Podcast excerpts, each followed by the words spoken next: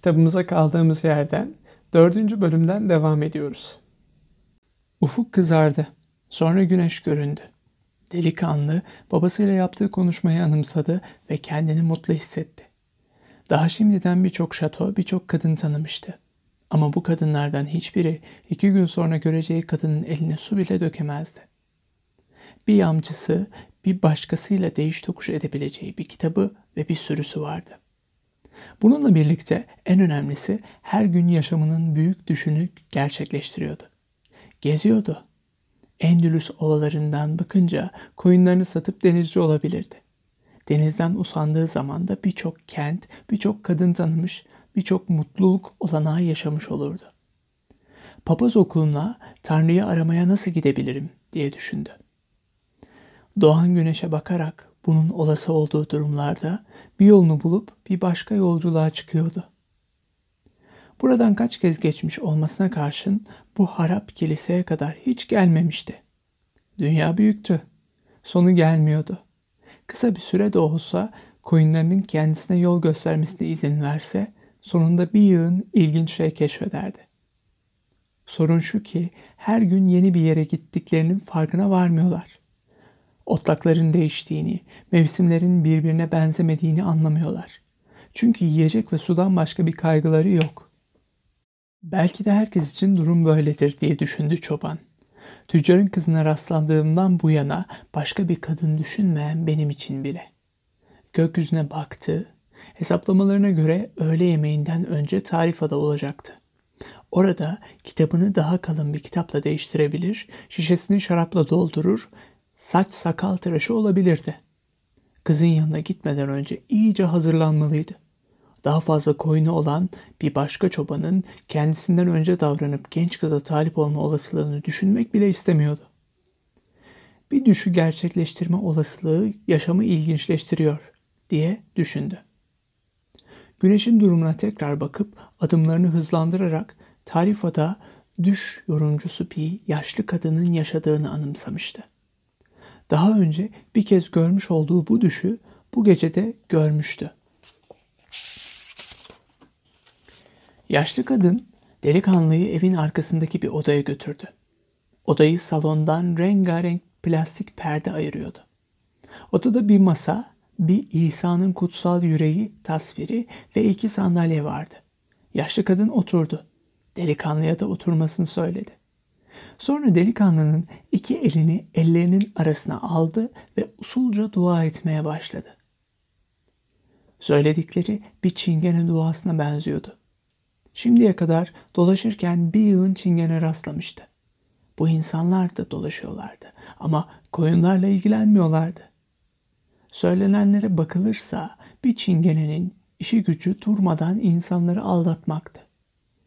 Şeytanla anlaşma yaptıkları, çocukları kaçırıp gizli barınaklarda bunları köle gibi kullandıkları da söyleniyordu. Genç çoban çocukken çingeneler tarafından kaçırılmaktan korkmuştu. Yaşlı kadın ellerini tutunca bu eski korkuyu anımsadı delikanlı.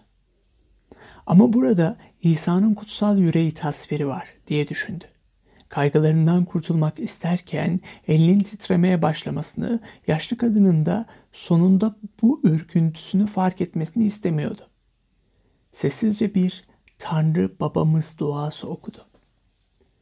İlginç dedi yaşlı kadın gözlerini delikanlının elinden ayırmaksızın ve tekrar sustu.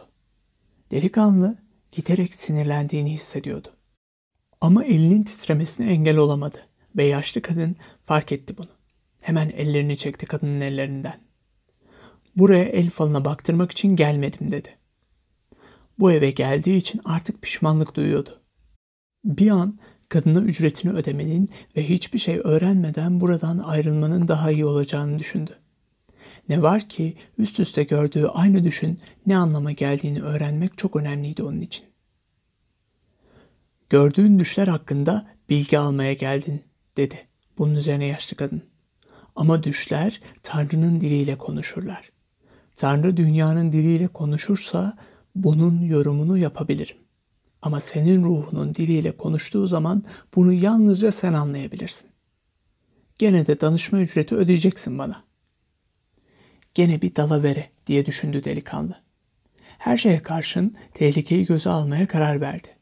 Bir çoban, kurt ya da kuraklık tehlikesiyle her zaman karşı karşıyadır. Ama çobanlık mesleğini çekici kılan da budur zaten. Aynı düşü iki kez üst üste gördüm. Koyunlarımla bir otlaktaydım. Derken bir çocuk göründü ve koyunlarla oynamaya başladı. İnsanların koyunlarımla oynamasından pek hoşlanmam. Tanımadıkları insanlardan korkarlar. Ama kendileriyle oynamaya gelen çocuklardan korkmazlar. Neden bilmem. Hayvanların, insanların yaşını bilmeleri şaşırtıcı bir şey. Sözü gördüğün düşe getir dedi yaşlı kadın. Ateşte tencerem var. Hem zaten fazla paran da yok. Bütün zamanımı alamazsın. Çocuk bir süre koyunlarla oynuyor diye sürdürdü konuşmasını çoban.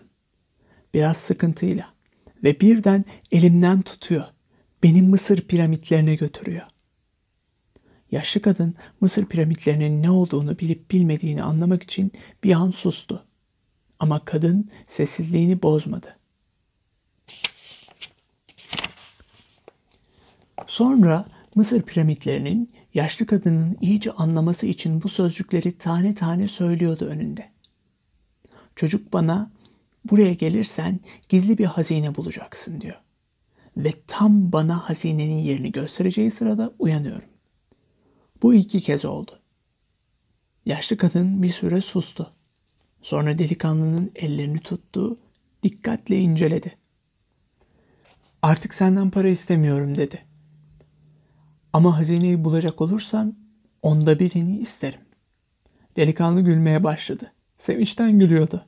Böylece gördüğü hazine düşleri sayesinde cebindeki pek az parayı da harcamamış oluyordu. Bu yaşlı kadın gerçekten bir çingene olmalıydı. Çingeneler biraz tuhaftırlar. İyi de nasıl yorumluyorsunuz bu düşü diye sordu delikanlı. Önce yemin edeceksin. Sana söyleyeceklerime karşılık hazinenin onda birini bana vereceğine dair yemin edeceksin. Delikanlı yemin etti. Yaşlı kadın gözlerini İsa'nın kutsal yüreği tasvirinden ayırmaksızın tekrarlamasını istedi. Dünya dilinde bir düş bu dedi ardından. Bunu yorumlayabilirim ama çok zor bir yorum.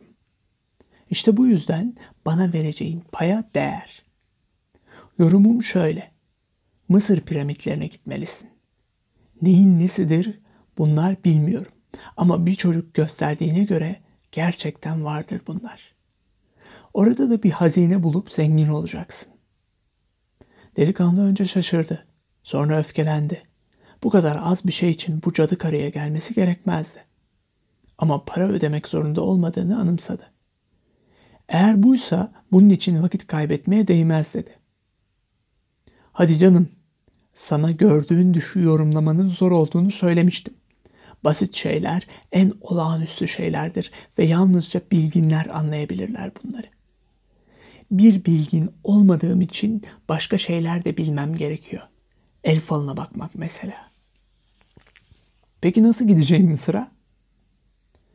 Ben yalnızca düşleri yorumluyorum. Bunları gerçeğe dönüştürecek gücüm yok benim. Bu yüzden de kızlarımın bana verdikleriyle yaşamak zorundayım. Ama ya Mısır'a varamazsam? Eh, o zaman bir şey ödemezsin bana. Zaten ilk kez olmayacak. Ve yaşlı kadın bu sözlerini hiçbir şeye eklemedi. Delikanlıdan gitmesini istedi. Çünkü onunla epeyce zaman kaybetmişti. Bu bölümün sonuna geldik. Bir sonraki bölümde görüşmek üzere. Geceyim olarak sizler için Şeker Portakalı kitabını da seslendirdik.